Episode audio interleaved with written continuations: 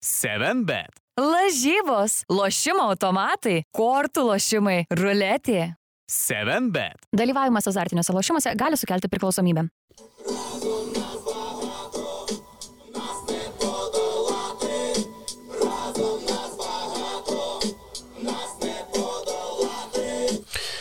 Būkite pasveikinti, įsijungia dar vieną MBO tinklalaidę. Su jumis sveikinasi Rokas Grajauskas ir Mykolas Jankaitis. E, Sveikas gyvas Mykolai. Sveikas, Rokai.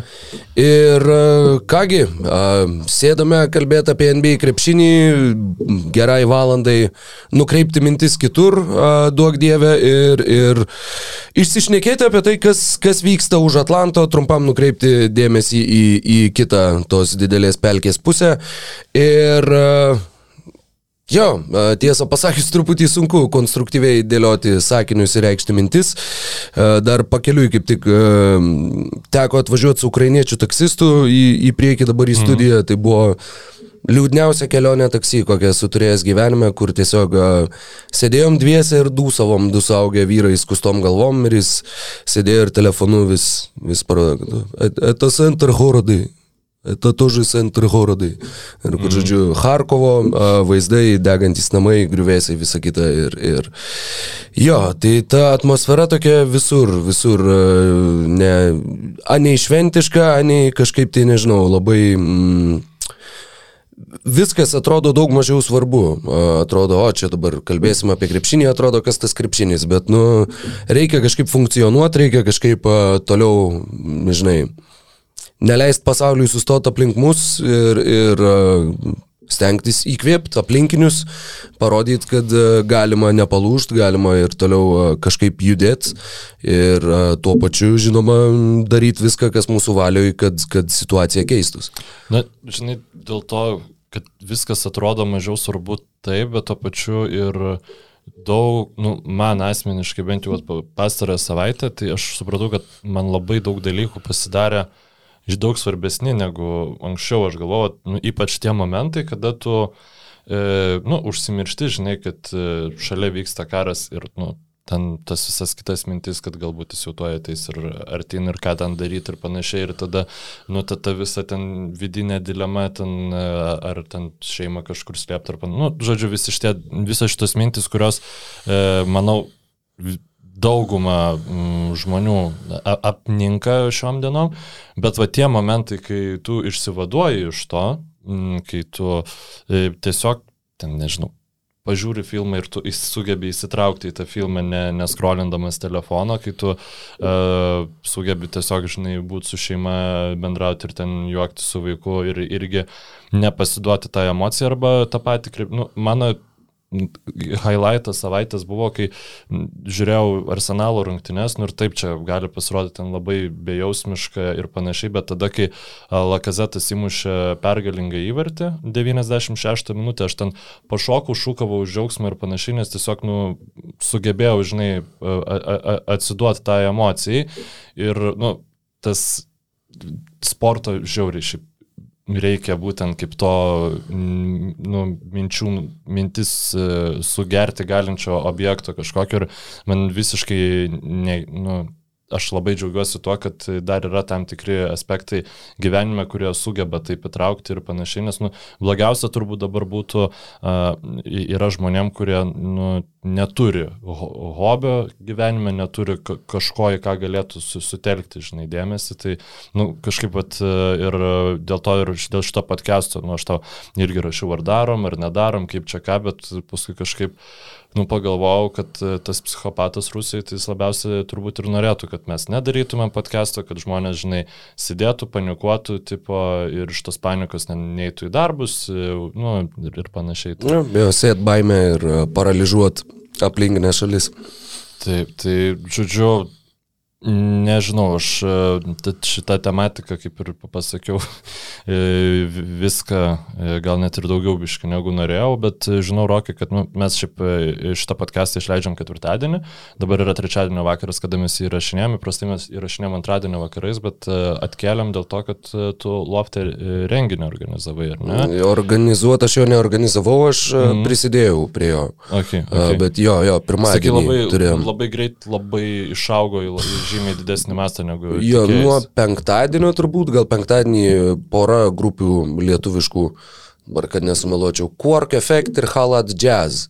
Buvo dvi grupės, kur nenustepčiau, jeigu nesi jų girdėjęs, aš tiesą pasakius irgi pavadinimą Halat Jazz buvau matęs, bet irgi nelabai žinau, ką tiksliai jie veikia. Bet žodžiu, šitos dvi grupės a, sugalvojo, kad jos norėtų padaryti kažkokią palaikymo akciją ir nuo penktadienio, kai sugalvojo jie, iki pirmadienio, kai vyko renginys, ten galiausiai buvo, nežinau, solo ansamblis, antikvariniai Kašpirovskio dantys, Andrius Mamontovas, Monika Liu, ten buvo masė žmonių, kurie susirinko ir tuo pačiu masė žmonių, kurie susirinko lofte, masė žmonių, kurie net netilpo į loftą, nežinau, kalbėjo Jonas Omanas, a, Blue Yellow įkūrėjas. Žodžiu, buvo labai labai labai emocionalus vakaras ir džiaugiamės, kad turėjom galimybę, žinai, bent tą vakarą tu jautiesi, kad tu vat, darai kažką, kas yra, nežinau, ką tu sugebi ir, ir, ir gali tuo kažkaip irgi prisidėti prie to bendro tikslo. Tai buvo labai labai svarbus, labai toks um, nepamirštamas vakaras ir, ir jo, Jo, tad antradienio reikėjo, reikėjo dar atsigavimui po to, pasikrovimui socialinių baterijų atgal ir a, jo, šiandien, trečiadienis, šiandien jau galim šnekėti ir šnekėti visų pirma tai apie tai, ką matėm savaitgalį. Jo, mm, savaitgaliu, e, savaitgalinės tos vakarinės rungtynės. E, Dar, sakykime, mėnesis atgal jos būtų, nu, tikrai nebūčiau aš jų įsijungęs, bet e, dabar labai, labai laukiam, e, kaip atrodys Sixeriai su Jamesu Hardenu. Ir, nu taip, aišku, čia yra New Yorko Knicks, e, bet they look damn well.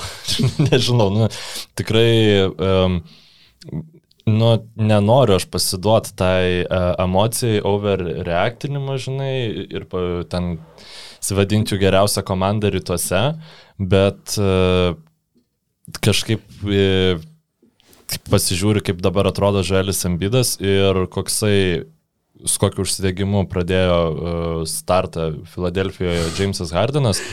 Tai nu, mūsų tie pagrindi, pagrindiniai nuogastavimai buvo ir pirmas, tai kad Jameso Hardeno sportinė forma jinai bus bloga ir jis tiesiog nu, nežais gerai. Bet jis turi, jis turi magišką injekciją, kuri vadinasi mainai. Ir tada staiga Jamesas Ardenas vėl žaidžia kaip ant sparnų, vėl žaidžia kaip penkeriais metais jaunesnis. Ir jo, tos pirmos porą rungtynių, uf, gal netgi trejos ar porą. Žinau, kad prieš Bostoną jisai tikrai dar nežaidė, man atrodo, kad prieš Milwaukee Prieš irgi Milwaukee nežaidė dar. Nežaidė, nežaidė. Jis Jo, jo, prieš tai-. Minnesotą pirmas rungtynės sužaidė ir irgi ten, nu, pasiautėjo gerai žodžiu. jie. Jo, ir jo, Jamesas Hardinas ir Želis Embidas atrodo velniškai, velniškai pavojingas duetas. Uh, Ir net nežinau, kaip tai vardinti, neironiška, bet iškalbinga yra tai, kad e, kai buvo atlikti tie mainai, Žaelis Embidas sakė, jog nu, iki šiol geriausias įžaidėjas, su kuriuo man teko žaisti, yra Išasmitas. Tai tas, sakykime, taip netgi sakė, ne? Taip, taip, tai buvo toks irgi subtilus kokiu purvo numetimas.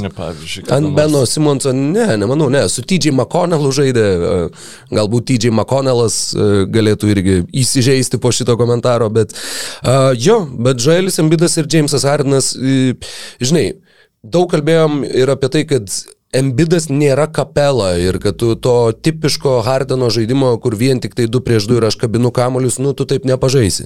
Bet pamačius tas porą rungtynių aikštėje, matosi, kad čia yra kaip tik daug platesnė ta, sakykime, tarpusavio uh, susiderinimo dimencija, daug daugiau galimybių, uh, daug daugiau šansų ir pick and popai, ir leidimasis link krepšio, ir greitos atakos, ir Hardeno rezultatyvių perdavimų, kiek jis po 14 per rungtynės, man atrodo, per E, šitas tai pirmas jisai dviejas Prieš. Niksus 16 ir 12 prieš, prieš um, Minnesotą, tai jo po 14 gaunasi. Aš tai bent jau dėl ko kreditą prisimsiu savo, tai aš iškart sakiau, kad, nu, ne, Ta prasme, jeigu tu vietoj ribotų galimybių e, centrų vienam geriausių visų laikų pick and rollo gynėjų duodi vieną geriausių vienas prieš vieną žaidžiančių centrų irgi lygos istorijoje, nu, ta prasme, bent jau dabartinė ambido forma. E, tai, nu ne, tai nėra labai didelė problema jiems, jiems sužaisti pick and rollą dviem belio kokio talento turintiem krepšininkam, kurie savo geriausiam dienom e, laisvai gali būti top 5 žaidėjai lygoj, abu du. Tai dėl šito, nu, aš tikrai nebijojau, sakau, pirmas, pirma baimė buvo ta sveikata, žinai, ir jeigu Hardanas lėtas, kaip jie atrodys transition gynyboje, kaip atrodys tas jų dar labiau sulėtėjęs polimas ir, ir taip toliau. Ir aš labai šiaip nerimavau, kaip atrodys Tairysas Meksi, kuris buvo, nu, šiaip čia dar digas, digas ir į. Uh, buvo tas, kad jis geriausias žaidėjas iš, iš esmitas buvo, su kuriuo žaidė Žuelis Embidas, nes kaip ir pagrindinis atako iniciatorius šį sezoną Tairysas Meksi buvo. Bet jis, toks, ir jis buvo... Žinai, aš, aš manau, kad jisai turėjo labiau žaidimo kūrimo uh, atžvilgių šitą komentarą, mm. kad, kad tai yra būtent tas, tas įžaidėjas, kuris geriausiai tave suranda. Uh, taip, taip. Ir ten, kur tau labiausiai to noris. Ir Tairysas Meksi nu, labai labai gerai atrodo. Jo, labai gerai. Jisai... Kaip tik jam atsiveria dar daugiau erdvių. Jeigu jisai yra, sakykime, antrinis 2 prieš 2 iniciatorius ir šiaip kiek jam atsiveria įkirtimam ir prasiveržimam, taip, kai yra taip. Hardenas ir Embidas aikštėje, jo, Meksi yra tas, tas, tas žaidėjas, kuris labai puotauja toj situacijai ir kiek teko klausytis irgi įvairių tinklalaidžių, skaityti įvairių nuomonių, tai yra Filadelfijos didysis trejetas šiuo metu. Yra Jamesas Hardenas, Tyrysas Meksi ir Joel Joelis Embidas. Vienas žmogus, kuris iškrenta iš šitos lygties ir uh, didelis klausimas, kaip jam pavyks įsipaišyti, yra Tobias Harrisas. Uh, tose antrose rungtynėse su Niksais, jisai ten ketvirtam kelinukė, kai viskas jau buvo aišku, pataikė kelis metimus, visus rinko 12 taškų, pirmose rungtynėse su Minnesota surinko 6, bet šiaip jis atrodo, na, toks, toks labai... Mm, Visiškai nes, neturi jo, vietos šitoj komandai ir tikrai neturės.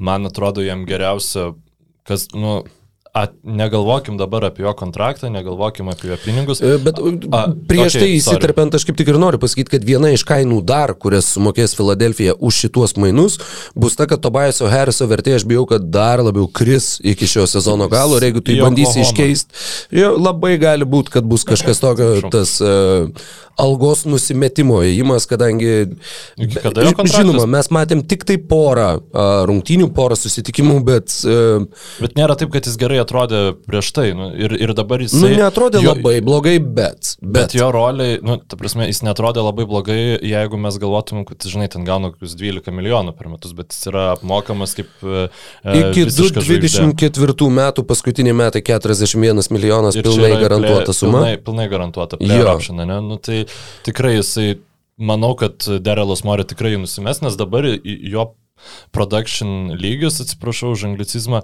yra nuo tų už minimumą, gali gauti labai pana, pan, panašiai mm. deliverinantį krepšininką. Visas kuris... sezonas yra 18 taškų, 7 atkovoti 4 rezultatyvus. Tai yra, kad buvo e, be Embido, kiek, kiek jie žaidė, nu, ta prasme, kad... Kažkiek buvo... žaidė, ne tiek ir daug šitam sezone kaip anksčiau. E, bet buvo, buvo laikotarpis ir dabar atėjus Hardenui, nu jo, to ir to, toliau tobulėjant tai Rysui Meksi, nes sezono pradžioje dar Meksi nebuvo toks e, užtikrinęs, nu, iš esmės e, Tobiasui, Har, Tobiasui e, Harrisui kurti žaidimą nebėra kada. Geriau, geriausių, jeigu mes kalbam apie, apie playoffus, nu, jį, jį reikia bandyti išnaudoti kaip šeštą žaidėją. Aš tai taip matau, į, į startą bandyt gal Džordžą Niangą leisti, nu dėl Paulo Milsapo turbūt ne, bet pavyzdžiui, Danny Grinas dabar kyla nuo suolo, aš tai labiau matyčiau tą penketą Maxi, Grinas, Hardenas, Žalis Embidas ir, Embidas ir Matysas Taibulas, kai tu turi Embidą, tu su lankos saugojimu visiems problemų neturi, o su Danny Grinu ir Matysu Taibulu tu gali geriau kompensuoti tas, nu, rotacijas vadinamas gynybai, negu su Tabajasu Harrisu, nes dabar vienintelis dalykas, dalykas, kas įlaiko starto penketą, tai yra jo kontraktas ir taip tai būti neturėtų, bet aš manau, kad ir Derelas Mori, nu, pripažinkim, kad jo indėlis į tai, kaip komanda atrodo aikštėje ir kokie sprendimai yra priimami vyriausiojo trenerio, nepaisant to, kad Dokas Riversas yra tikrai labai uh, didelį autoritetą turintis treneris, bet Derelas Mori turi didesnį inputą negu vidutinis tavo džiemas. Tai aš manau, kad per, per playoffus uh, Harriso minutės tikrai mažės. Ir tarp sezonų jisai bus nusimestas, vietoje bus Mm. pa paimtas mid-levelio koks nors žaidėjas ir e, žymiai labiau tinkantis. Žinai, tai Aš manau, kad, e, žinai, jau ir šiaip jie bando juos uh, išdalinti tas minutės uh, kažkiek tai, kad visą laiką būtų bent jau vienas iš Hardeno ir Embido aikštėje. Nu, tai ir tuomet uh, kol kas daugiau yra bandoma, bent jau kiek aš mačiau, kiek teko žiūrėti, uh, žaisti su Hardenu ir Harrisu kartu, mhm. vienam penkite, negu kad su Harrisu ir Embidu be Hardeno.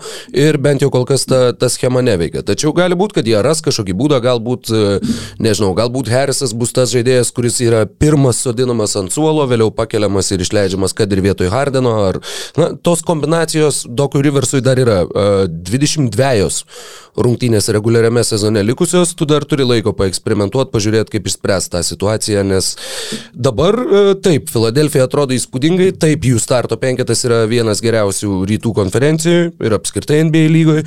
Ir uh, sakau, kol kas dar yra kaip tas detalės sudėti taip, kad uh, jos mažiausiai trukdytų viena kitai, kad mažiausiai liptų vieni kitiem ant pirštų aikštėje, o, o turėtų uh, geriausiai įmanomą ekosistemą atsiskleidimui.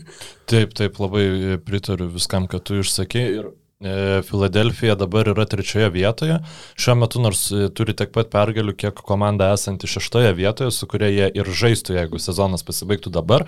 Šimtų procentų įstikinęs, kad nei Filadelfija, nei Bostonas nebaigs sezono, nu, jei, at, at, at, nebent e, kuris nors iš pagrindinių tų komandų žaidėjų iškristų ilgesniam laikui. Uh, nei Filadelfija, nei šeštoje vietoje esantis Bostonas nebaigs sezono tose pozicijose, kokiuose yra dabar. Ir iš tikro, na, jeigu Sixers labai, labai pasistiprino per mainų langą, gaudami pasirodo elitinės formas Jamesą Hardeną, jeigu mes galime spręsti iš šitų dviejų rungtynių.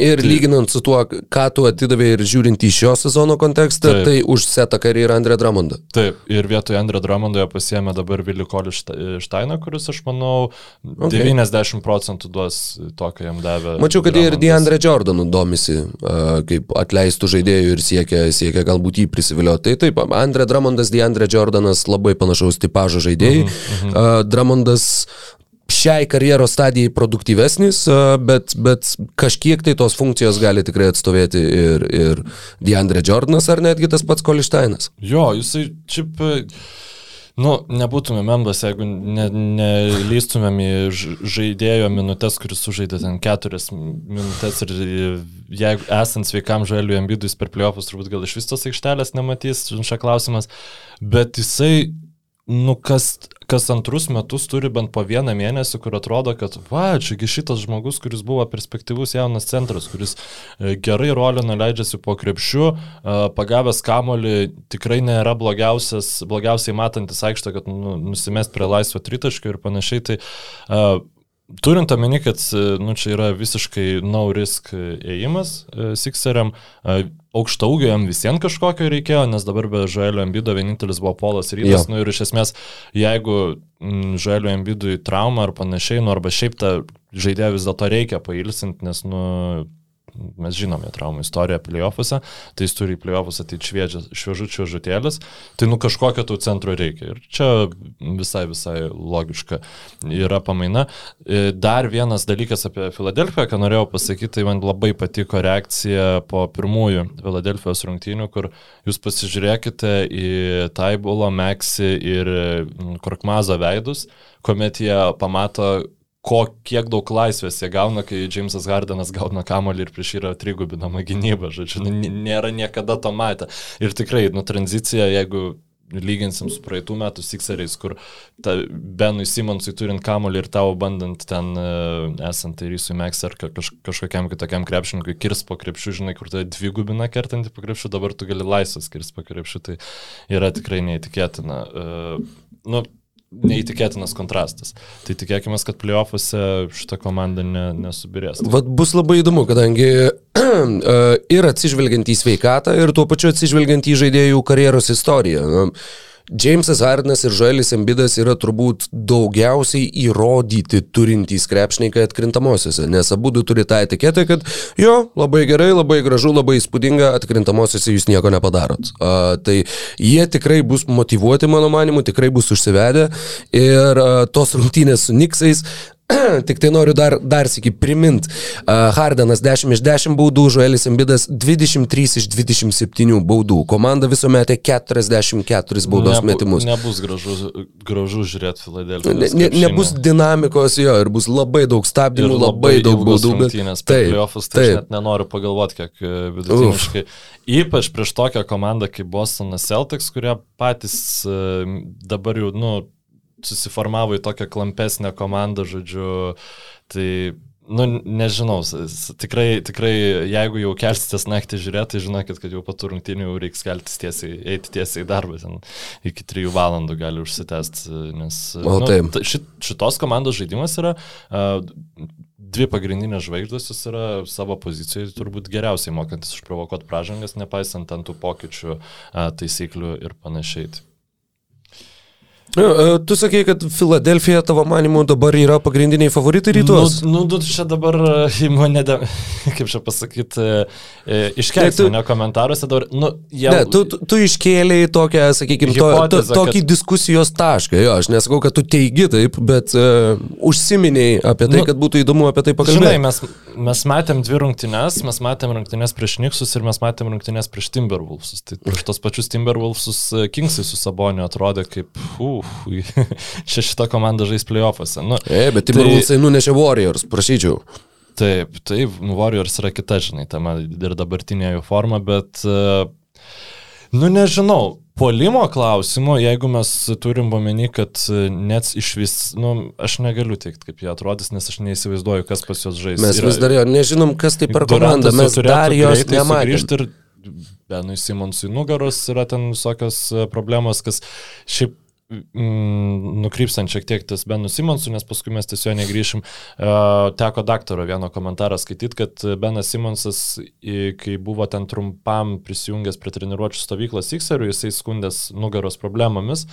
Ir e, nu, mes tada nurašėm tą kaip išgalvotą Mhm. kažkokį dalyką. Ir ten irgi buvo mild back uh, soreness ar kažkas tokio, ar tightness, neatsimenu, tai tikslaus išsireiškimo, bet esmė tame, kad tai, kad jisai dabar va vėl grįžo ir pradėjo treniruotis ir jam pradėjo skaudėti nugarą, tikėtina, kad parodo, jog jisai, nu, va, ši, ši, šitų savo abstinencijos nuo krepšinio laikotarpiu, jisai ne tik, kad Filadelfijos, Filadelfijoje nežaidė to krepšinio, bet ir savo kiemę nežaidė to krepšinio. Ir panašu, kad nu, sportinė forma jo neturėtų būti labai gera, bet čia yra, nu, Iš, tiesiog... iš vis dar visiškai- klausimas, ar jisai grįž.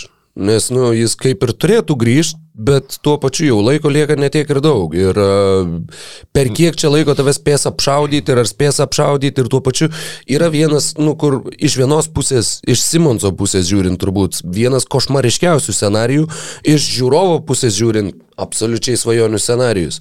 Duokit mum atkrintamosiose Filadelfiją prieš Brukliną. Oi, tai jis neša į tai seriją. Bet vat, jo, Aš aš, aš, to irgi truputėlį bijau, bet, nes kitaip aš matau, kaip Dokas Riversas, žaidžiant Filadelfijoje, siunčia visą laiką hack a Simmons.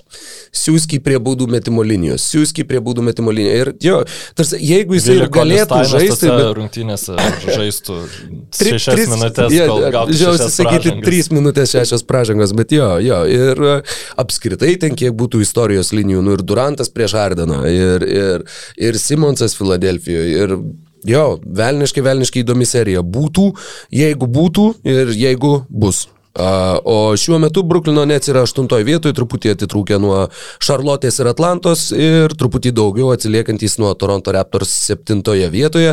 Durantas lyg tai grįžta maždaug už savaitės, Simonsas, kaip minėjom, neaišku.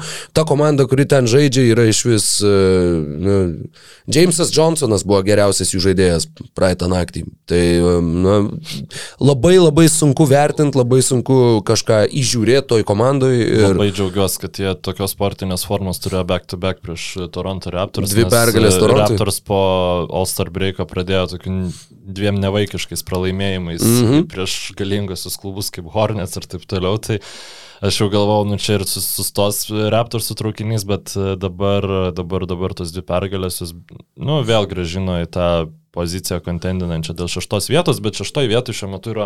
Bostonas Celtics ir jie tikrai nežaidžia taip, a, kad atrodytų, jog jie kris žemyn, tikrai panašu, kad jie kils tik tai aukštyn. Mm, Minėjai, kad e, Filadelfija ir Bostonas neliks tose pozicijose. Aš manau, kad Filadelfija trečioji gal ir gali likti. Priklausomai nuo to, kaip žais, galbūt Čikagas muktels, galbūt įsibėgės e, kažkas kiti, bet Bostonas tikrai liks aukščiau negu šeštoje vietoje. Dabar nuo sausio e, kelintos, taip pat pasakysiu, dienos, b, b, b, b, b, b, b, kurgi, a, nuo sausio 23 jų pergalių ir pralaimėjimų santykis yra 12-2.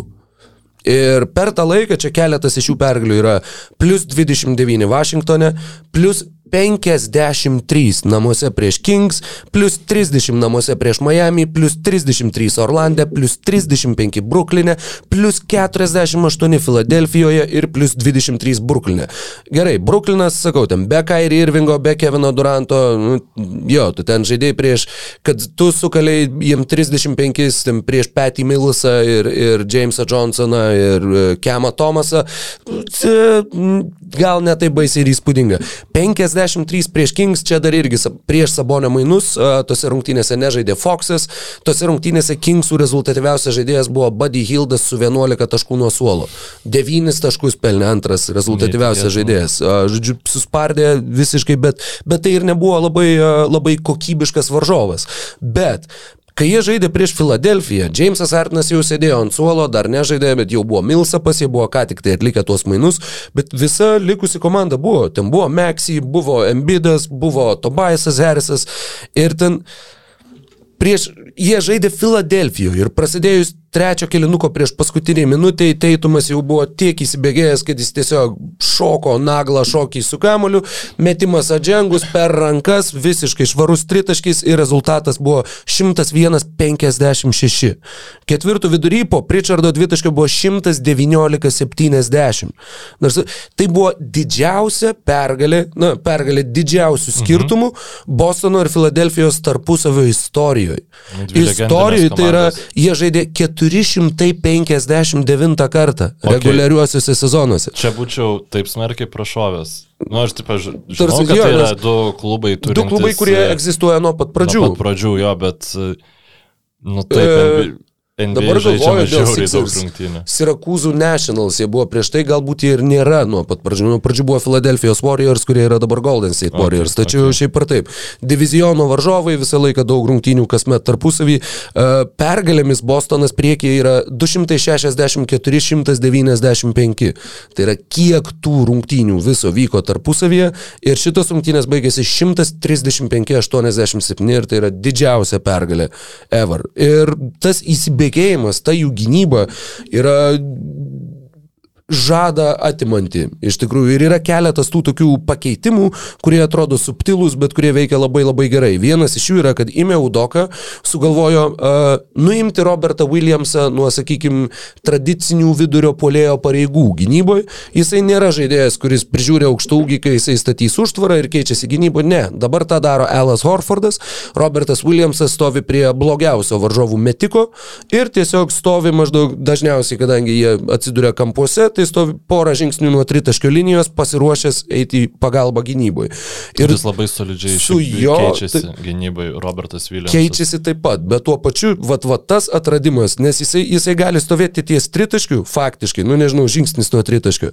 Ir matydamas, kas vyksta, jis faktiškai gali dėti dvi žingsnį, šokti į orą ir kitą lanko pusę uždengti. Ta prasme, jo, kaip čia pasakyti, jo ryčas, tai kiek jisai uždengia tiesiog erdvės aikštėje, turėdamas užimdamas va tą laisvą rolę, yra, jo wingspan yra 7-6, tai yra maždaug pustrečio metro pustrečio metro rankų ilgis. Ir tuo pačiu jo šuolis, ir tuo pačiu jo judrumas, tai yra neįtikėtinai, sakau, būtent tiesiog tai, kiek, kiek oro erdvės jisai uždengia aplinkui krepšį, yra netgi stovėdamas ties tritašką liniją, yra faktiškai unikalu. Centrų Robertas Covingtonas, vienas prieš vieną pakrepšių lengvai išmaudytų į koks nors Domantas Sabonis ar panašiai, bet kai tu a, pajungi tokią plavinėjančio žmogaus rolę, e, su kuravimu Horfordo, Ime Udokos ir, ir kitų Celtics trenerių štabo narių, jisai tampa labai rimtų ginklų gynybai ir vienu pagrindiniu ramščiu e, Bostono Celtics, bet e,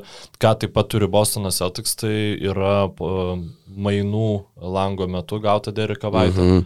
kuris atrodo tikrai fantastiškai ta prasme, kad jisai leidžia, ime, nu, pirmiausia, reikia pradėti nuo to, kad įmė Udoko, kai jisai buvo Spars trenerių štabe, tai e, Derekas Vaitas ten buvo vienas pagrindinių polimo krepšininkų. Ir mano manimu, vienu sakiniu įsi, įsiterpant, uh, Gregas Popovičius tiesiog atsiuntė reinforcement pack savo buvusiam asistentui. Tarsi tas įimas ir kad jie niekada neatlieka sezono vidury mainų, kuo daugiau apie tai galvoju, jo, jie tiesiog nusintė savo žaidėjų. Mes žinom, mes nieko, nieko pernelyg nepasieksim šitam sezone.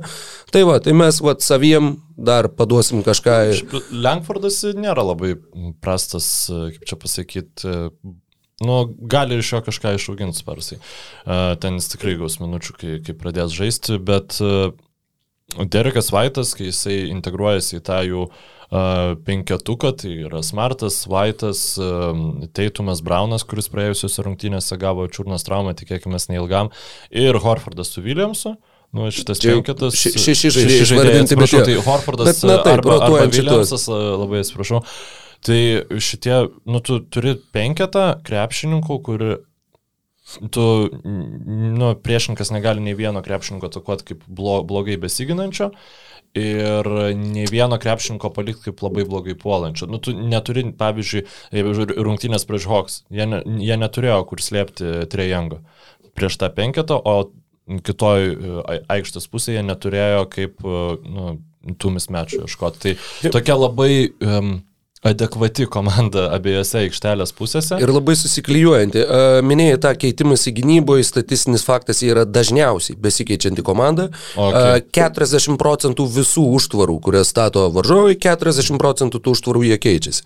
39 keičiasi Miami's, kitos komandos Max 33. Tai šitos dvi komandos yra ženkliai daugiausiai besikeičiančios ir tuo O pačiu... Iš kur šitą statistiką E, ištraukė? Jėzau, dabar, kad aš tau pasakyčiau, iš straipsnio, kurį skaičiau, Būtų bet... įdomu bet e, 18 cle- Cleaning the metų. glass turbūt. 18 metų Rockets pasižiūrėti, kiek jie užtvarų keisdavo. Jo, bet čia iš tų, sakau, ar tai Cleaning the Glass, ar tai kažkurio tai kito, žodžiu, ne, ne, ne NBA.com, ne, nemanau. Uh, ir jo, ir tuo pačiu, kad tose keitimuose situacijose jie praleidžia 0,86 taško per ataką. Tai yra mažiausiai visoji lygui. Ir jeigu tu darai kažką dažniausiai visoji lygui ir tą darai geriausiai visoji lygui, tai yra l- m- milžiniška, na, milžiniškas pasiekimas ir tuo pačiu iliustracija, kaip kokiu elitiniu lygiu tai veikia. Tai tas pats, jeigu tu būtum daugiausiai tritaškių metanti ir geriausiai juos metanti komanda. Labai, na, panašus atitikmuo, sakykime. Jo, e, Bostonas, sakykime, dargi prieš pusantro mėnesio mes apie juos kalb- kalbėjom, nu, Kaip vos nuviliančią nepanašioj komandą. lentynoj kaip apie kokį Atlantos Hawks šią sezoną. Jo, jo, kur, nes nu, jie ir buvo dešimti, jie netgi gal iki vienuoliktos buvo nusmukę vienu metu. Bet dar vienas dalykas, kuris labai ryškiai matosi stebint jų rungtynes, jie va dabar va fiziškai jaučiasi puikiai. Buvo tas, kur teitumas buvo po COVID ir kad jo, kad čia kad greitai pavargsta ir visi atrodė tokie vangus, tokie truputėlį mm, nesišaipant, bet tokie slunkiški aikštėje. O dabar iš tikrųjų jie visi skrenda, jie visi bėga, jie visi lekia ir jie visi atrodo, na, jeigu dabar va prasidėtų atkrintamosios, jie turbūt būtų viena iš geriausiai va, šiai akimirkai susižaidusių ir tuo pačiu geriausiai fiziškai besijaučiančių komandų.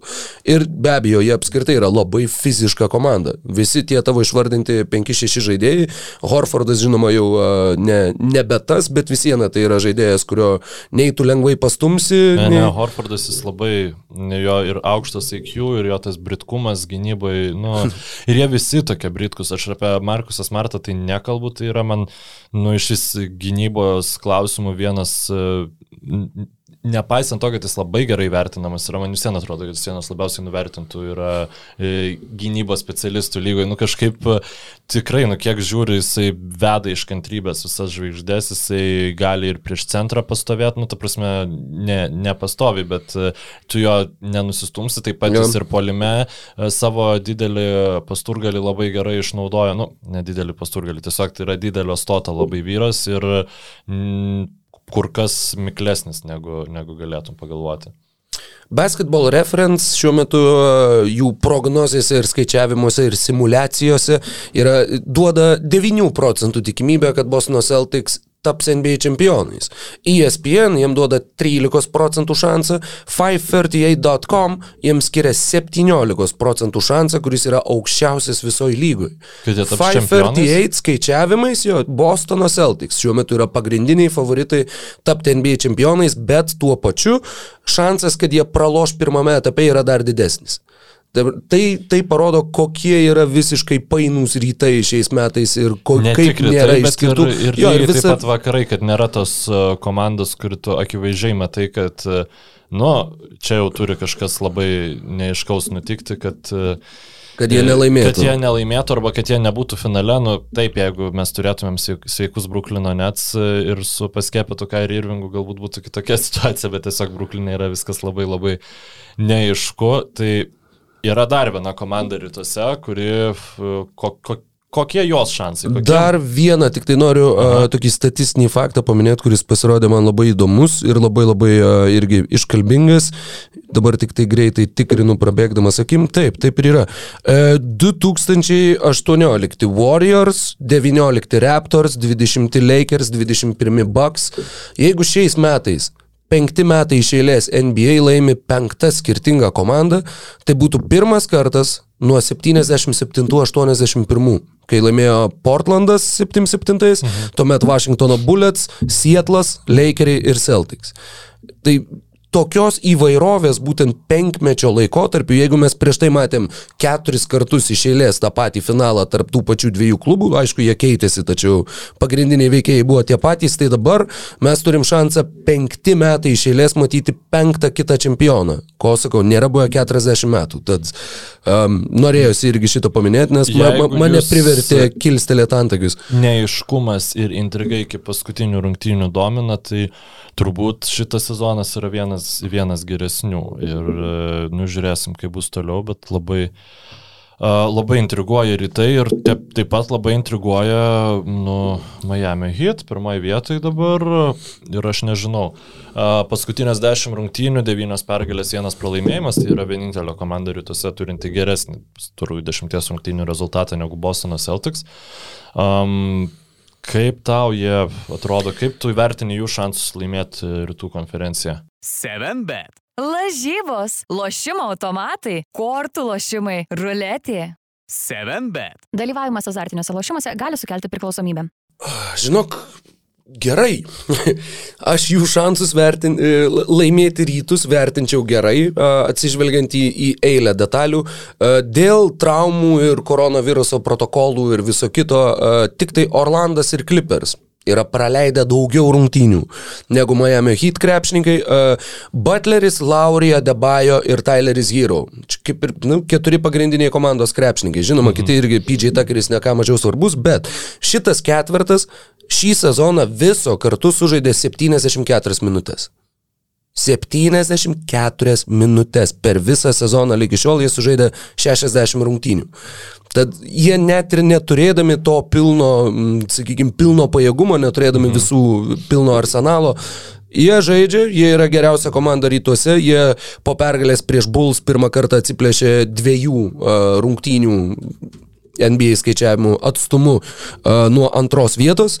Ir jo, tai yra komanda, kuri turi labai labai daug pliusų. Vienas iš pliusų yra testinumas, uh, jie, jie turi tą savo identitetą, tas identitetas iš esmės nesikeičia jau uh, eilę metų, nors keičiasi veikėjai, tačiau filosofija lieka ta pati, heat culture ir uh, tas...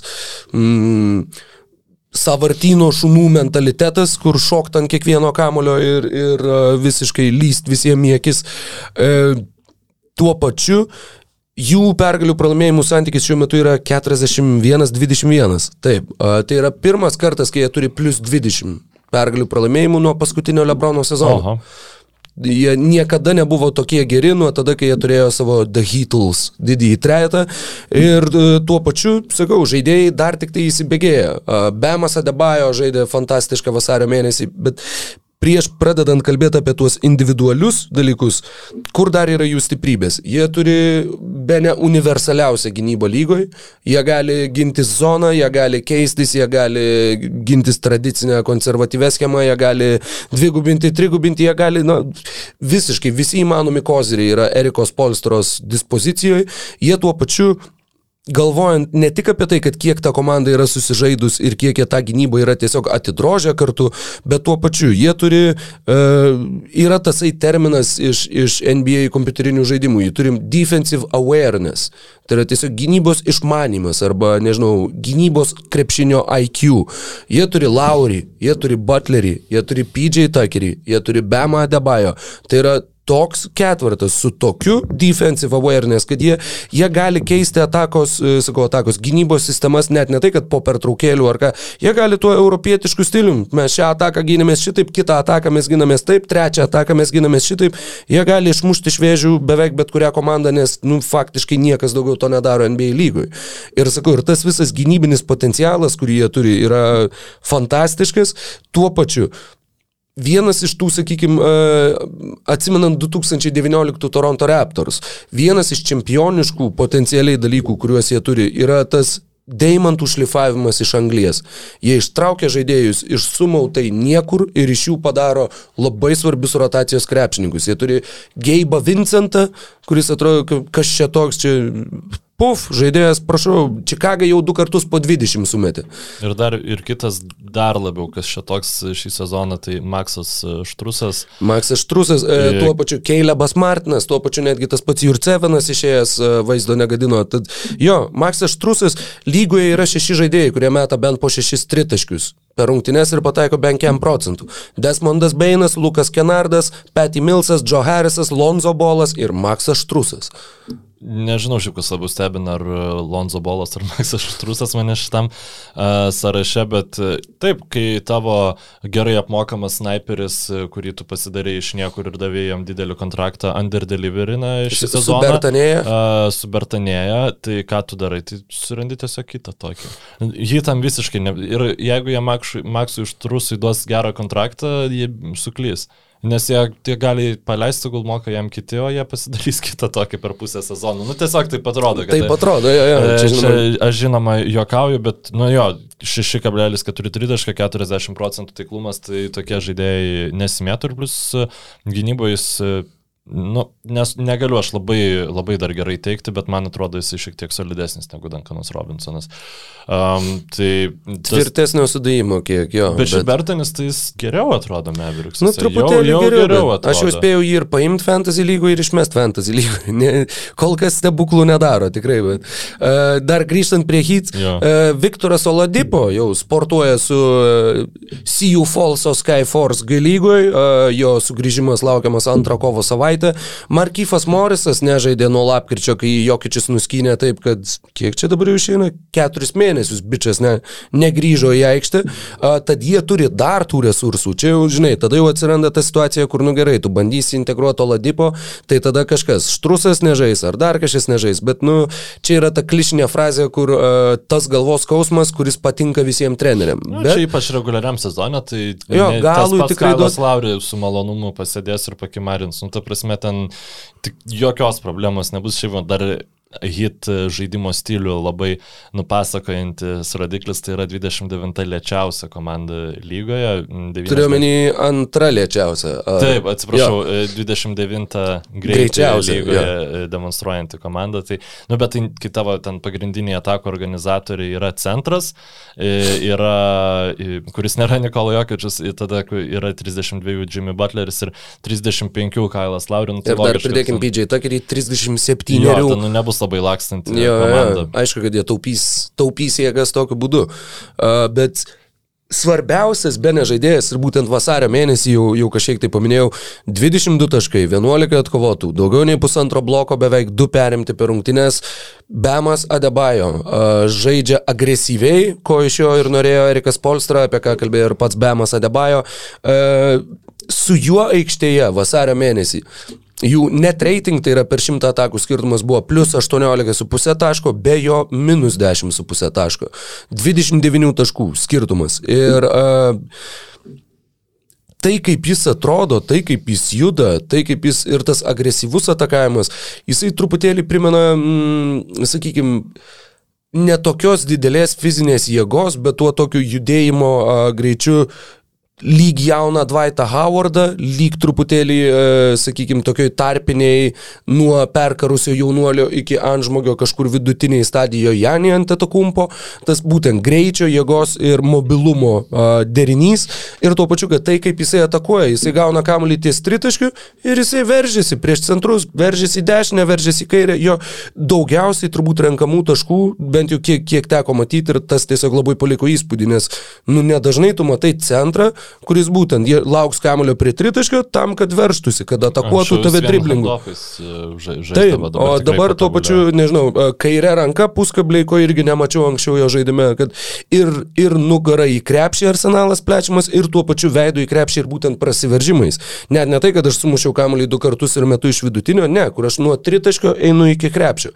Ir e, sakau, tas irgi priduoda dar um, papildomų galvos skausmų ir papildomo to tokio funkinės, jeigu taip galima pasakyti, tokio nestandartiškumo, mhm. kai tu žaidi prieš hytus. Ir nes jo, nu nes, sakau, tu nesi įpratęs, 95 procentai centrų nėra įpratę dengtis prieš centrą, kuris varytų va tai vakiaurai prieš tave lyg, lyg nežinau, nežinau net su kuo palyginti, kalaicakiu kokiu nors.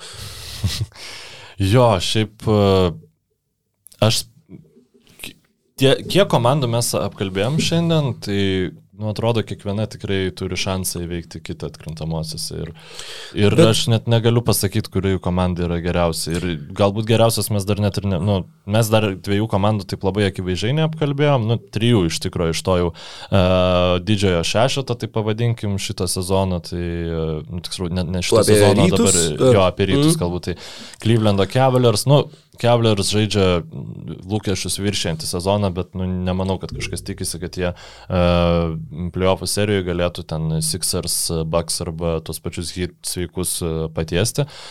Dar truputį apie reguliarų sezoną ir apie tai, kad Miamis yra pirmoje vietoje. Jų artimiausios pora rungtynių yra išvykos į Milvokį ir Brukliną ir tada 11 iš 12 rungtynių jie žais namuose iš eilės. Laukia tokia serija su Filadelfija kovo 5, e, tada Houstonas, Phoenixas, Clevelandas, Minnesota, Detroitas, Oklahoma, išvyka į Filadelfiją, Warriors, Knicks, Nets, Kings. Ir e, ta jų forma, kad taip per pasarasis 10 rungtynių 9 pergalės ir tuo pačiu dar va, šita visa atkarpa, atrodo, kad na, turėtų nutikti kažkas labai labai mm, katastrofiško, beje, galima sakyti, kad jie neliktų pirmoje vietoje rytų konferencijai. O panašu, kad e, kortos dėliojasi šitaip, kad Miamis pasiims pirmą vietą ir tas tikrai yra gerai. Žinoma, turint veteranų sudėti, tai nu, tas lengvesnis pirmas raundas, nes čia tu gali gauti, nu, aišku, tu gali gauti Brooklyną Nets, bet e, tu tai visiems Hornets, Raptors, Atlantos Hawks, nu, tai yra lengvesnės komandos negu... Negu didysis šešetas. Jo, ne, negu kažkas iš to didžiojo šešeto, nors Nu, nežinau, čia labai sunku dar prognozuoti yra, bet e, šita komanda atrodo labiausiai, man atrodo, vis dėlto pasiruošusi playoffams, gal net labiau negu reguliarau, negu čempionai praėjusią sezoną, e, Milwaukee Bucks, nors, e, nu, jeigu visos tos komandos būtų sveikos, net ir be Bruko Lopez, aš vis dėlto Baksus statyčiau kaip favoritus prieš bet kurią iš e, visų komandų, nu jau jeigu tai playoffų serijai prasidedant. Aišku, aš nežinau, kaip su kokia ugnelė įvažiuos Sixeriai tas atkrintamasis ir ten jau sakykime, Sixeriai turbūt gali labiausiai kisti, mano nuomonė, mm, nuo, nuo, nuo mano jo. dabartinio požiūrio, bet uh, Nu, aš visiems tiesiog, jeigu Baks nebūtų laimėję praeitą sezoną, tai aš taip nekalbėčiau, bet nu, tiesiog tu žinai, ką gali e, Janis apsuptas metikų. E, nepavyko jam, beje, pasimti Gorono Dragičiaus per praeitą tinklalaidą. Mai, mes jau, mes jau aptarėme. Jo, jau paminėjom, kad pasiemė Neci, kaip jį smagiai nuš, nušilpė Toronto Raptors fanai. Man šiaip Raptors fanų ir Gorono Dragičiaus rivalry yra toks visiškai iš niekur kilęs dalykas ir nu čia toks e, de, de, toks dalykas, apie kurį SB Nation, žinai, po kokių dešimt metų padarys video ir kurio niekas... Beef nežiūrė. history. Jo, jo, kur toks, taip, jo, rimtai buvo taip, nes, taip, kad jis žaidė pirmiausia Raptorsuose, dabar tas buvo rungtynės. Um, Toronte jisai ten buvo iš, išleistas į aikštelę, visi ant jo švilpė, tada jisai metė baudas, dvi baudas prametė, ten irgi visi džiaugiasi švilpė. Nu, labai labai e, keista tikrai tokia situacija šito, šito krepšininko, žodžiu, bet...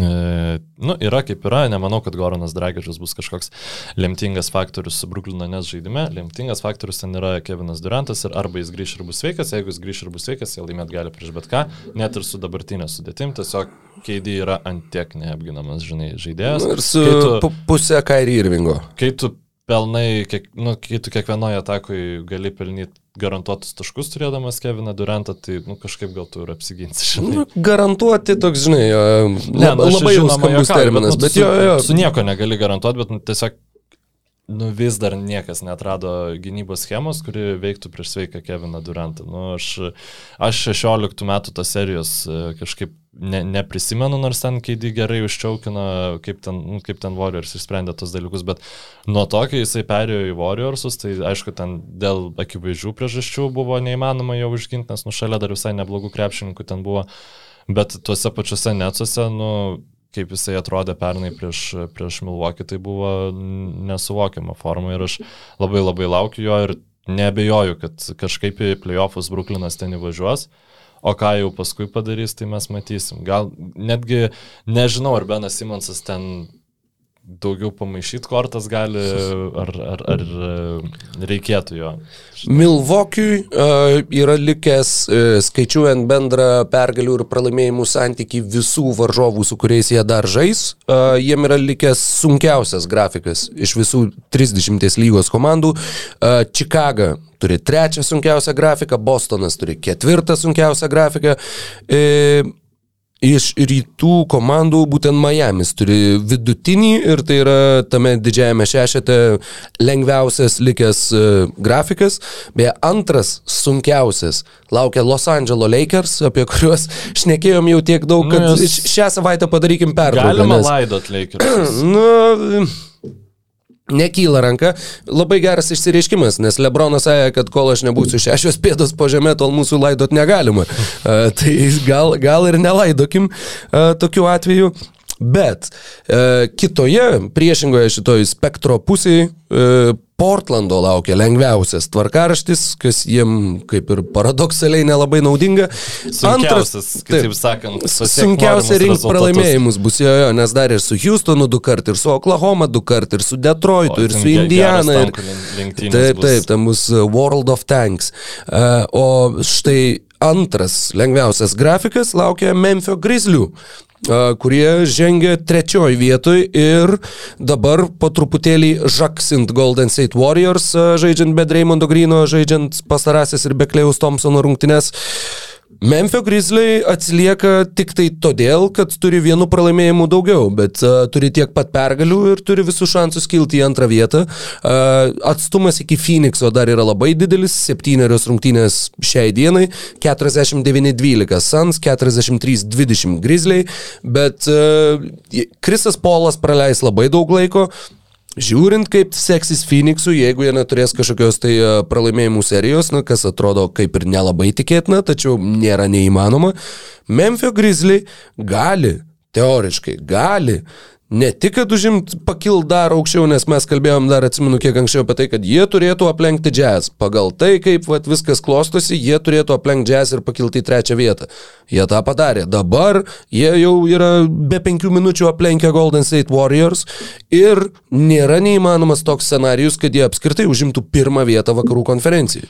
Nu, man žinok, atrodo, kad, e, kad ir kaip aš norėčiau, žinai, pa, papilti žybalą į tą naratyvą, man atrodo neįmanoma. Sans yra ta mašina, kuri, nu, važiuoja ir jinai nuvažiuos pirmoje vietoje iš tam reguliariam sezonui. Be kažkaip... Kriso Polo. Mm, O kuriam laikui jisai iškrito? Iki reguliario sezono galo. Jisai oh. iškrito iki reguliario sezono galo, susilaužytų nykščių ir tada išėjo pažaisti visų žvaigždžių rungtynėse, nes apparently why the fuck not. Uh, ir jo, ir dabar turėtų, jisai turėtų grįžti atkrintamosiams varžyboms. Tokia yra iš ankstinė prognozė, tai iki tada jiems dar yra likę sužaisti 21 susitikimą su Devinu Bukeriu kaip įžaidėju. Uh, Jo, renka po aštuonis rezultatyvius perdavimus e, šituose pastarosiuose rungtynėse, bet Ten rungtynių skirtumas, nu tebūnė, okei, okay, okei. Yra, yra teoriškai. Pasiduodu šitai pagundai, labai smagu būtų, kad taip įvyktų. ir tada mes teoriškai galim išvysti naują jauniausią visų laikų NBA MVP. Nes Džiamorantas yra jaunesnis šiuo metu negu kad buvo Derekas Rauzas, kur Nu, Žaidimo stilių 22 panašumai akivaizdu. 22 metų sezonai, e, ku- kuomet Derekas Rozas irgi gavo MVP, Mhm. būdamas, nu, 22, a, tai tiksliau, tą sezoną pradėjęs būdamas 22 metų, tai yra 25 taškai per rungtynes, e, e, 7,7 rezultatyvaus perdavimo, 4,1 atkovoto kamulio, žinoma, šitie patys vidurkiai juos reiktų biškai ekstrapoliuoti į didesnį skaičių, nes nu, tiesiog atakų kur kas mažiau būdavo a, tą sezoną. Efektyvus pataikymo procentas 48,5 procento, ten tritaškų pataikymas nelabai svarbus, nu, 60 rungtynių laimėjo tą Nelabai? sezoną. E, Nu, mhm. Turint omeny Deriko Rauzą, tai ten tri- 33 procentai, bet nu, jisai tikrai nebuvo problema jam, tai kad jis metimo neturėjo tą sezoną. Ir 60 pergalių surinko e, Deriko Rauzo vedami Čikagos Bulls tą sezoną. Šį sezoną Džamoranto vedami e, Memphis Grizzlies 27,6 taško e, renka Džamorantas Memphis, atlieka po 6,6 rezultatyvus perdavimą, tai yra mažiausiai jo karjeroj kol kas, e, mažiausias vidurkis, bet na, akivaizdu, kad jo tiesiog taškų pelnimo rodikliai labai labai pasikeitė į didesnę pusę. Ir iš žaidimo atakuoja 50, e, ta, e, efektyvus pataikymo procentas yra 53, tai yra aukščiausias jo karjerui ir aukštesnis negu Deriko Rauzo iki pat jo sezono Detroit'e, kai jam buvo jau 31 metai. Tai statistiškai, jeigu lyginant grinai su Deriku Rauzu, taip, mes galėtumėm apie taip kalbėti, bet e, nu, tiesiog tiek Žuelis Embidas, tiek Nikola Jokičius e, daro nerealius dalykus šį sezoną ir aš vis dėlto manau, kad... Kuris iš jų pirmas konferencijoje bus? Embidas Nu, ar Jokičius? Čia, ne, žinai, ne už tai yra sa- duodamas titulas. Ar tikrai? Nu taip, tikrai ne už tai ir mes jau esam įsitikinę, kad nu, nereikia tau būti pirmam e, savo konferencijai, nu, arba nebe reikia tau būti pirmam savo konferencijai. Bet matai, jeigu mes kalbam apie konkrečiai šitą Ir nebus atvejį, ir Žamorantas. Nu, Jeigu tai prasme- yra komanda, kur mes prieš sezoną kalbėjom, kad jie turbūt apskritai dar, vat, nu, vat, išėjo į atkrintamasis, dabar jie čia pasidarė, kad jie dar niekur neskuba ir iki kiek jie pranoksta lūkesčius. Ir jeigu jie sugebėtų išlipti pirmą vietą, jeigu Morantas ir toliau draskys taip, kaip jis drasko dabar, Nu taip, ket- jeigu jis rinks po 50 taškų per rungtynes visą likusį sezoną, tai tada... 48 vidutiniškai per, per porą pastarųjų tai tada susitikimų. taip, tada sutinku. ir tos rungtynės su San Antonijum, nu ar tu juokauji, ten buvo, va čia buvo per, šitas, per šitą va savaitę, kai, sakau, per savaitę nusijuokėjai turbūt tris kartus ir atsimeni visus tris, tai buvo tos keletas minučių, ar nežinau, nu, kažkiek tai laiko, kai tiesiog, kai ištirpo viskas, ne, neliko nieko kito pasaulyje, tu tiesiog žiūrėjai ir atvipusi žandikulių, susijęmęs už galvos. Jie netgi padarė Edo Kotos ir, ir Mindaugo Timinsko Viską nu- jie 0,4 padarė. sekundės Viską su Adamsu. padarė. Ir tas dėjimas per Jakobą Purtlo. Ne, Jis prie, ne per bet ką. Ir jis pašoko faktiškai iš už baudos aikštelės. Jo viena koja buvo už baudos aikštelės, kita truputį mynė linija. Būtų ir laimėjęs jis dėjimų iššoko su to dėjimu, man su atrodo. tuo dėjimu jo, bet, na žinai, ir dar kai įsivaizduoji, Jakobas Purtlas, ko, kokia tai yra siena, kiek tai yra ūgio, kiek tai yra masės, aš nežinau, tai virš šimto kilogramų, pašoka į orą vertikaliai ir tu, sverdamas, nežinau, kiek 20-30 kg mažiau, tu su, su kokia jėga tu turi iššokti. Čia, žinai, čia toks, man net pradėjo suktis galvoj, tik aišku, aš jau to neatsiminsiu, bet čia toks kaip mokyklinis fizikos uždavinys. Su kokia jėga turi trenktis judantis kūnas į tokios ir tokios masės objektą, kad jį pram, pramuštų iš esmės. Na, Nu, tai Žamarantui reikėtų atskiras formulės, man atrodo, vesti ten jau be- bendras netiktų. Um, visiškai neįtikėtina ir sakau, visiškai kvapą, kvapą gniaužinti. 22 iš 30 metimų, 50 taškų, tai yra 52. Kai sakau, po to, kai 46 tu pasiekiai naują klubo rekordą, 46 taškai, dvi dienos praeina, 52 taškai. Man jau įdomu, kas bus kitose rungtynėse ir plus vienos įdomiausių iki, rungtynių. iki 82 nesustos. Nu, Duok dievė, būtų velniškai smagu. Bet, e, mm, toj pat Šiaip, noriu tu greitai surasti. informacijos, aš tada pakalbėsiu apie vieną dalyką, kuris man tiesiog, nu, vizualiai atrodo pakankamai įdomiai. Top, šeši, top šešios komandos, aštuonios iš jų turi labai gerą formą, o ne aštuonios, penkios iš šešių komandų turi, vakarų konferencijų turi labai gerą formą pastarosiuose dešimt rungtynių. Tai yra tie patys Grizzly, aštuonios pergalės, du pralaimėjimai, Sansai, aštuonios pergalės, du pralaimėjimai, tiesa, dvi pastarosios rungtynės buvo pralaimėtos. Jazzai 8 pergalės, 2 pralaimėjimai, Mavericks 8 pergalės, 2 pralaimėjimai ir nu, Nikola Jokičius ten su niekuo iš esmės žaisdamas irgi 8 pergalės, 2 pralaimėjimai. Tai yra... Uh, hey, Michaelas Porteris Jr. grįž už savaitės ar poros. Ir kalbama, kad... Ir Džemalas Murray turėtų jo iki sezono galo. Tai, šiaip jeigu kalbam apie kontenderius ir Murėjus grįžtų, nu ne šiaip savo, o pilnai atsireabilitavęs. Nu, negrįžtai akimirksniu. Nu, ne Visieną reikės laiko įsibėgėti, bet... Nu, visai ten būna su tais krepšininkais. Kartais atrodo, jie ten reabilituojasi, reabilituojasi ir, nu, nežaidžia labai gerai, o kartais tikrai grįžta, nu, e, normaliai atsigavęs krepšininkas ir turint omeninų vietoj ko jisai žengs į aikštelę, tai man atrodo bus žiauriai didelė paspirtis. Nu, bet vis viena, kažkiek laiko dar rūdys laikysis, tai faktas. Jisai nebus tas Mariai, kur sumeta 50 taškų ne vienos baudos nemetęs. E, bus dar laiko. Bet jo, Denveris staiga jau ir jų pozicijos atrodo kaip, e, sakykime, visą sezoną, ar bent jau vat, tuos kelis mėnesius atrodė, kad, nu, nu, nu, va, nu, va gaila, traumų suėdė. Bet ne, nesuėdė, jie atsilaiko, jokičius yra žvėris ir, ir jo, jie dar irgi gali gali, tapti visiškai, na, tokiu... Mm, iš, iš užmaršties išnirsiančių kontenderių atkrintamosiose varžybose. Apie Memphį, ką norėjau pažiūrėti, mhm. ir jo, radau iš tikrųjų kitos jų rungtynės. Tai va, 46 Moranto prieš Čikagą, 52 prieš San Antonijų. Kitos rungtynės iš ketvirtadienio į penktadienį Bostone. O Memphis prieš Bostoną bus tos rungtynės, kurias tikrai norėsis pažiūrėti. E, šitas epizodas išeina ketvirtadienį, tad šią naktį, artėjančią naktį, e, sakau, NBA gurmanams tai turėtų būti labai, nu, labai, labai gera kova. Mano gynyba 50 taškų sušers, tai tada... Tai tada patikėsi, kad jis gali būti MVP? Gerai. Nu, aš manau, kad jis Derauzano ketvirtą poziciją MVP laderyje, MVP kopiečias, atsiprašau, tikrai e, tada jau užimtų. Nepaisant to, kad Demaras Darauzanas, nu, mes jau kalbėjom praeitą tinklalaidą. Chamberlaino formą. Bet jis ir toliau tą daro, žodžiu. E, jau nebedaro, nutrūko jo 30 Ai. taškų serija, nutrūko iš pradžių ta bent jau 35 ir bent 50 procentų žaidimo, vėliau nutrūko ir 30 taškų serija. Prieš Miami, jisai ar 18 ar 19 sumetė, bet tai buvo 10 rungtynių serija su bent 30 taškų, ilgesnė Bulls istorija yra tik tai viena, Michaelas Jordanas 11 ir tuo pačiu kitus yra Michaelas Jordanas 10, Michaelas Jordanas 10, Michaelas Jordanas 9. Tad grinai tarp Jordano rekordų įsispraudė Demaras. Ir dar tas, kur kad 29 kartus Bulls istorijoje vienas žaidėjas bent penkeriose rungtynėse išėlės pelnė bent 30 taškų, tai yra Demaras Darozanas ir 28 kartai Michaelas Jordanas. Šitas irgi yra toks, wow, kur netgi Derekas Rauzas nebuvo penkeriose rungtynėse išėlės sumetęs bent 30. Nu, čia toksai tri, trivialus manau, faktas. Vis bet... dėlto daugiau, lemba, 28 kartus, nu šiaip penk, penkiose nu, rungtynėse išėlės. Wow. Um, tuo jau mes suviniosim šitą mūsų tinklalaidą ir... Suviniosim tinklus ir laidus. Um, žinai, ką aš galvoju, dabar kas antrą kokią NBA, gal aš tau užduosiu klausimą, kuris tau nepatiks, bet jis bus vienodas o, ir tiesiog čia ne, nepa, nepasi, ve, nepasižiūrėti tave kaip į orakulą kažkokį, bet pasižiūrėti, žinai, kaip keičiasi NBA naratyvas, kaip keičiasi NBA paveikslas, žinai, iki, iki pat jau tų finalinių rungtynių.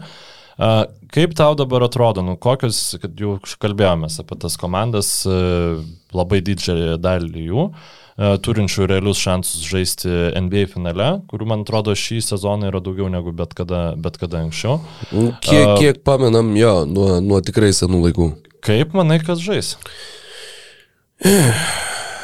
Šią akimirką? Jo, jo, šią akimirką.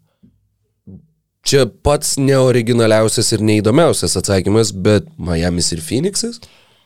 E, priimu tavo šitą neoriginalų atsakymą, bet, nu, tikrai pakankamai, pakankamai jisai logiškas yra. Na, dvi pirmaujančias komandos, bet sakau, jo, kas, kas nu, porą savaičių atrodo, šitas klausimas labai įdomu. O kaip tau atrodo šiai Miamis, dienai? Miamis, nu, jeigu Filadelfijai nereiks žaisti prieš Miami, Nes aš pilnai tikiu, kad e, šansų atjungti Miami kokie Raptorsai turi daugiau negu Filadelfija. Nu, man atrodo, hitai būtų pat, pats pats, ne. Jimmy Butleris, nu, prieš Filadelfiją. Ten tiesiog, ži- žinai, visas tas jų gangsterių mentalitetas, nu, jie tiesiog ten siautėtų.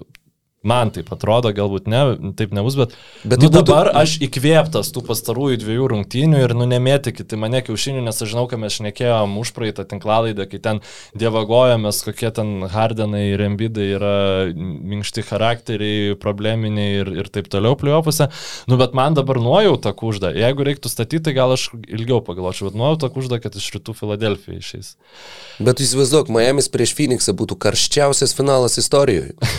Heat ir Suns. Ja, ja. O iš, iš vakarų, nublemba, žinok, aš visai užsihypinau apie tos nagetus, kalbėdamas, bet, nu, Bet ir mes kalbam apie daug, Kevino Duranto grįžimą į, į, į Brukliną, bet nepakankamai, man atrodo, mes kalbam apie Dreymondo Greeną grįžimą į Warriors. Ir pasižiūrėt, kaip, kaip tie Warriors atrodo. Ir nepaisant to, kad Vyginsas visų žvaigždžių rungtynių starteris labai prastą vasarį turėjo, pakankamai prastas ir kovas, bet aš vis dėlto manau, kad jeigu bus visi sveiki, nu mano dabartinė nuojauta atrodo... a, Filadelfija prieš Warriors. Jo, prašiausia, wow. prieš prašiausią formą turinčią šiuo metu komandą vakaruose, kad žais, Filadelfija. Ne, yra, e, Čia nėra daugiau čia yra kaip man dabar atrodo po Jo, jo, jo, tų jo. pastarųjų dviejų, e, nu Jo, tiesiog čia ir yra, po, čia po tiesiog breako, kiek aš indikatorius žiūrėjau, jo. to, kas šiuo metu atrodo favoritais. Tai prasme, kas, kas žaidžia vat, įtikinamiausią krepšinį. Ir tai yra jo, tai ir, ir yra, kad vat, kas savaitę ar kas porą, tai ir turėtų keistis. Tai vat, tą mes ir stebim ir tą ir bandom savo nežaidžia įsivardinti. šiuo metu ne. krepšinę, bet man kažkaip e, visiems tiesiog labai laukiu tą Dreymondo Grino sugrįžimo e, ir, nu, tą anticipatindamas e, dedu e, Warriorsus į šitą, į, į šitą poziciją. Nu, dėl Memphio aš nežinau, man kažkaip uh, atrodo, kad visiems dar per jauna komanda. Jo, jo, tas pats, tą patį galvočiau ir aš, bet... Bet Utah- čia yra, o, oh, čia Almighty. Bet bet kas, sakau, nu tas pats Delasas, nublembas, Luka Dončičius irgi įsivažiuoja, nu čia, čia bus reikalų ir mes, sakau, šita, šitas ne vienareikšmis klausimas, jisai, manau, kiek, kas antrą tinklalaidį ir dėsim pas skirtingą variantą ir sakys, nu ko, tai kokie jūs krepšinio ekspertai ir aš sakysiu, nu Ne, jokie. bet tai yra, čia yra termometras, čia Aš nėra spėjimas, čia yra... Ekspertas, ne, niekada nepretendavau būti ir aš čia grinai vas ir gališką nuomonę iš, išsakau jums klausytojai. Tai Jo, man beje, diužbegiškiausias įmanomas dalykas, kurį turi komentatoriai mūsų ar, ar ten visokie, dar yra save pristatyti ekspertų. Nu, koks tu turi būti pinda, kad tu sakytum, saky, ne, su jumis futbolo ekspertas, toks, toks, kur... Seniai, ne, ne. Ir jeigu tu pats tą sakai, tu tam nepridedi credibility. jo, e- ekspertas turėtų būti Ekspertų turėtų kiti žmonės vadinti kažką, o ne tave, tu pas, arba, ne tu pats arba tu save. jau turi būti būt ekspertų tame filde, kur tu turėtum e, laipsnį, tai pagrindžianti. Ir e, šiek tiek darbų, žinai, parašytų tai pagrindžiančių. Nu, tada tu jau gali galbūt save. Sveiki, ekspertu- čia aš su jumis ego masturbacijos ekspertas. Tai su šita linksma, nu va, va, išspaudžiau šypseną iš tavęs rokiai, šiandien tiksliau pats iš savęs išspaudai su savo. Pats iš, savęs, pats iš savęs išsispaudžiau šypseną. Wow, wow. Tai Su bairiu apie ego masturbaciją. Wow. Tai ką, nu, su, su, tokiom, su tokiom realijom uždaromės e, NBA podcastą. Smagu vėl pakalbėti, žinai, apie, apie, apie tikrą krepšinį. Aš dar mūsų klausytojų šiek tiek gal norėjau atsiprašyti dėl praeitos NBA tinklalaidės, kur buvo šiek tiek, nu, galbūt nepašnekėta apie tai, apie ką buvo tikimasi, kad bus e, šnekama ir e, mūsų galbūt senesni klausytojai nu, žino jau mūsų santykių šiaip su visų žvaigždžių savaitgaliu. Aš galvau, kad e, per kitą visų žvaigždžių savaitgalį galbūt net ir reikės e, atostogėlės NBA pasimti, nu, nes e, Jo, daug kas turbūt, kad tikrai ramiau, daro. e, Tie tos tinklalaidės, tie mm, analitikai arba ekspertai, kuriems, nu, tai tas renginys nėra įdomus, jie tiesiog Bet kartu su kitais žaidėjais ir visa lyga ilsisi. Jo, sakau, aš apie tą irgi galvoju ir, nu žinai, bet čia iš esmės irgi yra va, tas pats termometro faktorius. Kad jeigu, jeigu mums yra neįdomu ir mes susėdam pašnekėti, kodėl mums yra neįdomu, Jo, nu tai atsiprašau, sakau. tai vis tiek yra pokalbis ir tai vis tiek yra diskusija ir tai vis tiek yra galų gale šnekėti, ką galima padaryti, kaip galima pakeisti, nu tai va visi tie dalykai irgi groja. Bet jo, jeigu, jeigu aš suprantu nepasitenkinimą, kurio, jeigu aš, pavyzdžiui, aš žiūrėjau pats ir aš va dabar įsijungsiu ir lauksiu tų įspūdžių kažkokio, žinai, priminimo man arba sustiprinimo arba kaip tik kažkokio galbūt prisidėjo tas, a, kad mes patys nelabai žiūrė, nu, jeigu mes krautumėm peržiūrėję visą tą visų žvaigždžių savaitgalį, tai būtų viena, o kadangi mes žiūrėjom jo fragmentus Jo, labiau, jo. tai va tas turbūt ir nu, užgavo klausytoją, kuris iš mūsų tikisi kokybės, tai su kokybiškesniu krepšiniu tikėt, tikėkime, kad ir mūsų Nu, pa- podcast'o Aš kokybė. ne, grįš. nežiūrėjau visų žvaigždžių rungtynių, aš šiandien žiūrėjau fucking Washingtoną prieš Detroitą ir man nuoširdžiai buvo dešimt kartų e, įdomiau. Toksai. Lemba, nu čia gerai. Jo, jo, Palikim paži- Keitą pažiūrėt, kaip Raulis Netų žaidžia podcast'ui, žaidėjui. Bet šitas bičias žiauriai, jo visas naujoko sezonas kenčia dėl to, kad NBA šiaip yra, mes su vienu bičiuliu šnekėjom, labai įsis- įsisenėjęs tas naratyvas, ypač kalbant apie e, tuos individualius apdovanojimus, ypač ne tuos pagrindinius, kurie netaip dažnai sakami yra, tai aš nu, ne MVP turiu omeny. E, tai yra, kaip tu pradedi sezoną, žinai.